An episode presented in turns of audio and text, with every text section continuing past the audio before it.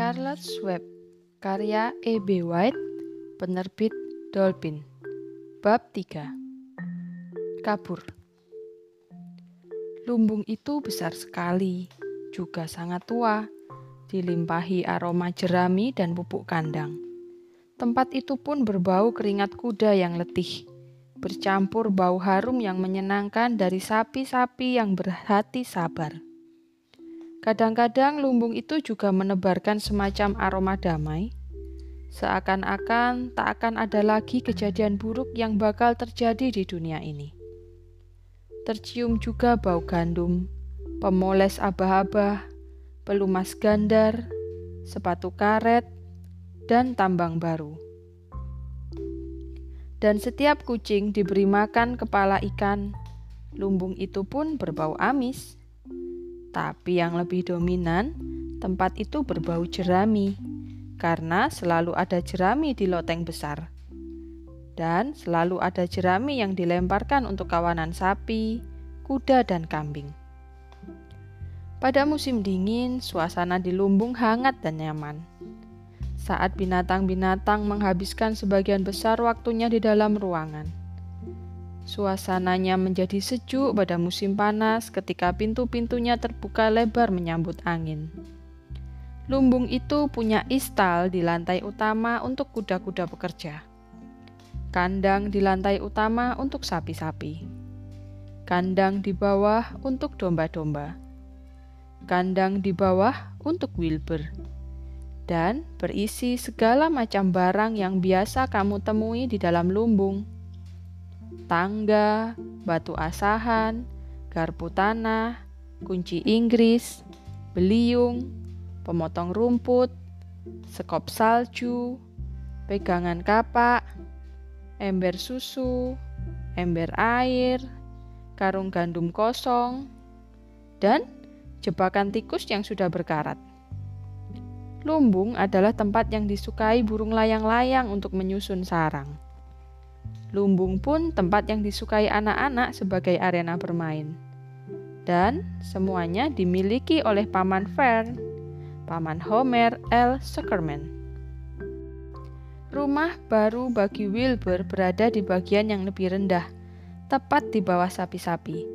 Pak Zuckerman tahu bahwa timbunan kotoran sapi adalah tempat yang baik untuk memelihara babi muda. Babi butuh kehangatan dan ruang bawah tanah lumbung di sisi sebelah selatan itu hangat dan nyaman. Fern datang hampir setiap hari untuk mengunjunginya. Gadis kecil itu menemukan bangku tua untuk memerah sapi yang sudah tak terpakai. Ia meletakkannya di kandang sapi di sebelah kandang Wilbur. Di situ ia duduk tenang sepanjang sore sambil merenung, mendengarkan, dan melihat Wilbur. Tak lama kemudian, domba-domba sudah mengenal Fern dan mempercayainya. Demikian juga kawasan angsa yang sekandang dengan domba. Semua binatang mempercayai gadis kecil itu. Ia begitu tenang dan ramah. Pak Zuckerman tidak membolehkannya mengeluarkan Wilbur. Ia juga tidak mengizinkannya masuk ke dalam kandang babi. Tapi Fern diperbolehkan duduk di bangku dan melihat Wilbur selama yang ia mau. Fern merasa senang hanya berdekatan dengan babi itu saja. Wilbur juga senang karena Fern duduk di sana, tepat di luar kandangnya.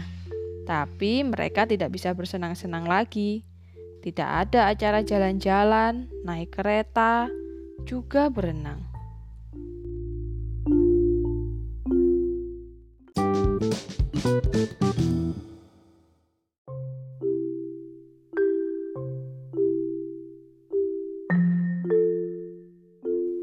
Charlotte's Web Karya E.B. White Penerbit Dolphin Bab 3 Bagian kedua Pada suatu sore di bulan Juni, saat umur Wilbur hampir dua bulan, ia berkeliaran di pekarangan kecilnya di luar lumbung. Fern belum datang untuk mengunjunginya seperti biasa. Wilbur berdiri disirami cahaya matahari ia merasa bosan dan kesepian. Tak ada yang bisa dilakukannya di sini, pikirnya.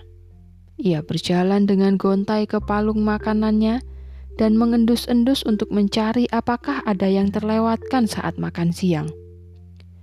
Ia menemukan selembar kecil kulit kentang dan memamahnya. Punggungnya gatal. Ia lalu bersandar ke pagar dan menggeser-geserkan punggungnya ke papan pagar.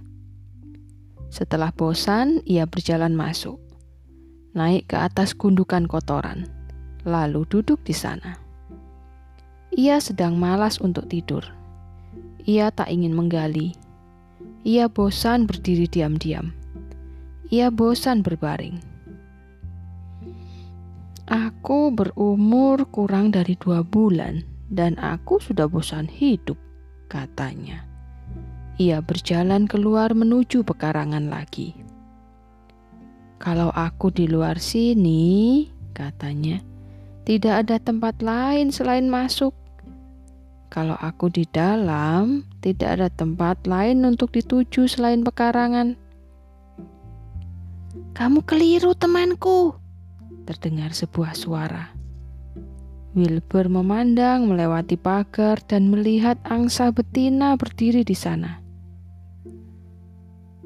Kamu tidak harus diam saja di pekarangan kecil yang kotor, kata si angsa, yang bicaranya agak cepat. Selembar papannya longgar. Dorong saja. Dorong, dorong, dorong papannya dan keluarlah. Apa? Kata Wilbur. Bicaramu jangan cepat-cepat. Walau harus mengulang-ulang, kata si angsa. Sebaiknya kamu keluar.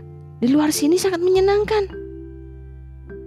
Kamu bilang ada papan longgar. Memang iya, memang iya, kata si angsa. Wilbur menghampiri pagar dan melihat bahwa angsa itu benar.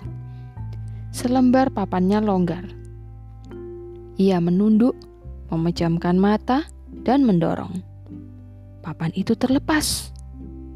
Dalam sekejap, ia berhasil menerobos pagar dan berdiri di tengah rumput tinggi di luar halamannya. Si angsa terkekeh. "Bagaimana rasanya bebas?" tanyanya. Aku suka, kata Wilbur. Maksudku, sepertinya aku menyukainya.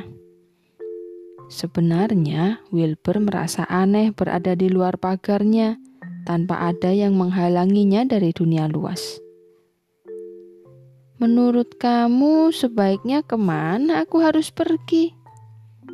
Ke mana saja yang kamu mau, ke mana saja yang kamu mau, kata si angsa. Pergi ke kebun buah-buahan, cabuti akar dari tanah. Pergi ke taman, gali lobak. Gali semuanya. Makan rumput, cari jagung, cari gandum. Berlari saja ke mana-mana. Melompat dan menari, melonjak dan jingkrak-jingkrak.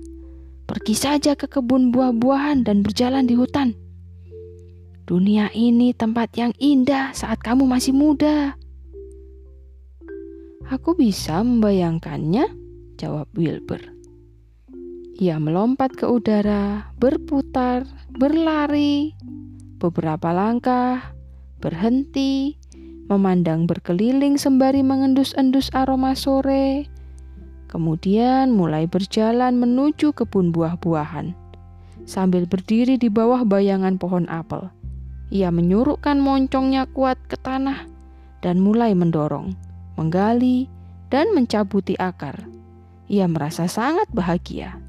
Ia sudah menggali bidang tanah yang cukup luas sebelum ada yang menyadari kehadirannya. Busuk kermenlah yang pertama kali melihatnya. Wanita itu melihat Wilbur dari jendela dapur.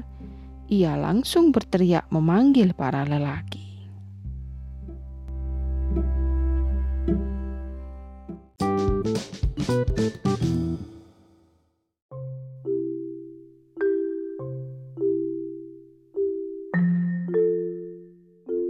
Charlotte Swab Karya E.B. White Penerbit Dolphin Bab 3 Bagian ketiga Homer! Jeritnya Babinya keluar! Lurvi, babinya keluar! Homer! Lurvi, babinya keluar! Ia di bawah pohon apel itu. Nah, Mulai deh ribut, pikir Wilbur. Sekarang aku akan dikejar-kejar. Angsa mendengar keributan itu. Ia juga mulai berteriak-teriak. Lari, lari, lari, lari. Turun dari bukit, pergi ke hutan, ke hutan. Teriaknya kepada Wilbur. Mereka takkan, takkan, takkan bisa menangkapmu di hutan. Anjing Spaniel mendengar kegaduhan itu dan segera berlari keluar dari lumbung untuk bergabung dalam pengejaran. Pak Sukerman mendengar teriakan istrinya. Ia langsung keluar dari gudang mesin tempatnya memperbaiki sebuah alat. Lurvi, pekerja pertanian pun mendengar kebisingan itu dan menjauh dari peta asparagus tempatnya menyiangi rumput. Semua orang mengejar Wilbur. Wilbur sendiri tak tahu harus berbuat apa. Hutan terlihat masih jauh. Lagi pula, ia belum pernah masuk hutan. Ia tak yakin apakah ia akan menyukainya. Kitari ia sampai ke belakangnya Lurvi. Perintah Pak Sukerman. Giring ia menuju lumbung. Pelan-pelan saja, jangan menghalaunya. Aku mau mengambil seember pakan babi. Berita kaburnya Wilbur menyebar cepat di antara binatang-binatang di seantero tempat itu. Setiap kali ada makhluk yang terlepas di ladang pertanian Sekerman, hewan-hewan lain pun tertarik. Si angsa berteriak kepada sapi terdekat bahwa Wilbur sudah bebas. Dalam sekejap, semua sapi sudah mengetahui kabar itu. Lalu, Salah seekor sapi menceritakannya kepada salah satu domba. Dalam sekejap, semua domba pun sudah mengetahui kabar itu. Anak-anak domba mendengarnya dari induk-induk mereka. Kawanan kuda di dalam istal menegakkan telinga saat mendengar si angsa berteriak-teriak. Secepat kilat para kuda mengetahui apa yang terjadi. Wilbur kabur, teriak mereka. Setiap binatang bergerak, mendongak, dan bersemangat saat tahu bahwa salah satu teman mereka terbebas dan tak lagi terkurung atau terikat erat. Wilbur tak tahu harus berbuat apa atau mau lari ke mana, seolah semua orang mengejarnya. Kalau begini rasanya bebas, pikirnya. Sepertinya aku lebih suka dikurung di pekaranganku sendiri. Anjing Spaniel mengendap-endap dari satu sisi, Lurvi si pekerja menyelinap menghampirinya dari sisi lainnya. Bu Sukerman berdiri siaga untuk menggiringnya jika ia berlari ke arah kebun. Dan sekarang Pak Sukerman mendekatinya sambil membawa ember. Ini benar-benar mengerikan, pikir Wilbur. Kenapa Fern tidak datang lagi? Ia mulai menangis. Si angsa mengambil alih dan mulai mengaokkan serangkaian perintah. Jangan berdiri di situ, Wilbur. Menghindarlah, menghindarlah, teriak si angsa. Berlari berputar, lari ke arahku. Menyelinap keluar, masuk, keluar, masuk, keluar, masuk, lari ke hutan, berkelit dan berbelok. Anjing Spaniel menerjang kaki belakang Wilbur. Wilbur melonjak dan berlari. Lurvi mengulurkan lengannya dan menyambar. Busuk kermen berteriak kepada Lurvi. Si angsa menyoraki Wilbur. Wilbur menerobos di antara tungkai Lurvi. Lurvi tak berhasil menangkap Wilbur. Sambarannya luput, malah mengenai si anjing Spaniel. Bagus sekali, bagus sekali, teriak si angsa. Coba lagi, coba lagi, lari ke bawah bukit. Sapi-sapi tak mau ketinggalan. Lari ke arahku, peki angsa jantan. Lari ke atas bukit. Domba tak mau kalah. Berbelok dan berkelit, seru angsa betina. Melompat dan menari, sahut ayam jago. Awas ada lurvi. Sapi-sapi mengingatkan. Awas, ada cekermen. Angsa jantan memekik lagi. Awas ada anjing. Domba menyuruh waspada. Dengarkan aku, dengarkan aku. Kauk si angsa. Wilbur yang malang kebingungan dan ketakutan mendengar hiruk-pikuk ini. Ia tidak senang menjadi pusat kehebohan. Ia mencoba mengikuti semua petunjuk yang diberikan teman-temannya. Tapi ia tak bisa berlari menuruni sekaligus menaiki bukit. Ia tak bisa berbelok dan berkelit sambil melompat dan menari. Ia menangis keras-keras sampai tak bisa melihat apa pun yang terjadi di sekitarnya.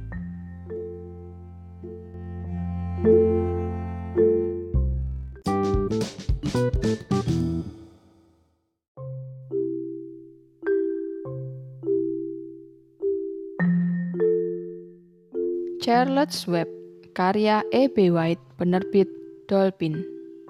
Bab 3, bagian keempat. Lagi pula, Wilbur, babi yang masih kencur, tak lebih dari babi bayi sebenarnya. Andai saja Fern ada di sana untuk memeluknya dan menghiburnya. Saat mendongak dan melihat Pak Sekermen berdiri sangat dekat dengannya, sambil memegang seember pakan hangat ia merasa lega. Ia mengangkat hidungnya dan mengendus-endus. Baunya lezat, susu hangat, kulit kentang, remah-remah gandum Kellogg's cornflakes, dan kue sus sisa sarapan keluarga Sukerman.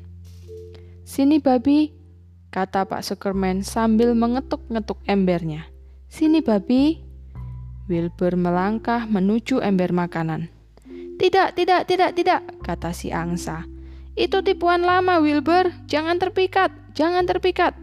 Ia mencoba membujukmu kembali ke dalam kurungan-kurungan. Ia memanfaatkan perutmu. Wilbur tak peduli.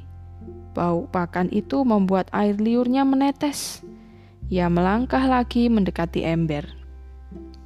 Babi, babi, bujuk Pak Sekermen dengan ramah. Ia mulai berjalan perlahan menuju pekarangan lumbung, sambil memandangnya dengan polos. Seakan-akan tak tahu bahwa babi putih kecil itu mengikuti di belakangnya. Kamu akan menyesal, menyesal, menyesal, saut si angsa. Wilbur tak peduli. Ia terus melangkah menuju ember. Kamu akan kehilangan kebebasanmu, racau si angsa. Satu jam kebebasan sepadan dengan seember pakan. Wilbur tetap tak peduli. Ketika Pak Sekermen sampai di kandang babi, ia memanjat pagar dan menuangkan pakan ke dalam palung. Kemudian ia menarik papan lepas dari pagar, agar ada lubang lebar yang bisa dilewati Wilbur. Pikirkan lagi, pikirkan lagi, jerit si angsa. Wilbur tak menggubrisnya. Ia melangkah melewati pagar menuju pekarangannya. Ia berjalan mendekati palung dan meneguk pakan banyak-banyak. Menyosor susu dengan rakus dan mengunyah kue susnya. Senang rasanya berada di rumah lagi. Ketika Wilbur makan, Lurvi mengambil martil dan paku. Ia lalu memaku papannya lagi. Kemudian ia dan Pak Sekermen bersandar dengan santainya ke pagar dan Pak Sekermen menggaruk punggung Wilbur dengan sebatang tongkat. Ia babi istimewa, Lurvi. Ya, ia akan jadi babi yang baik, kata Pak Sukerman. Wilbur mendengar puji-pujian itu. Ia merasakan susu hangat di perutnya. Ia merasakan garukan tongkat di sepanjang punggungnya yang gatal. Ia merasa damai, bahagia, dan ngantuk. Sore ini sungguh melelahkan. Saat itu masih sekitar pukul 4. Tetapi Wilbur sudah siap tidur. Ah, aku memang terlalu muda untuk menjelajahi dunia sendirian, pikirnya sambil berbaring.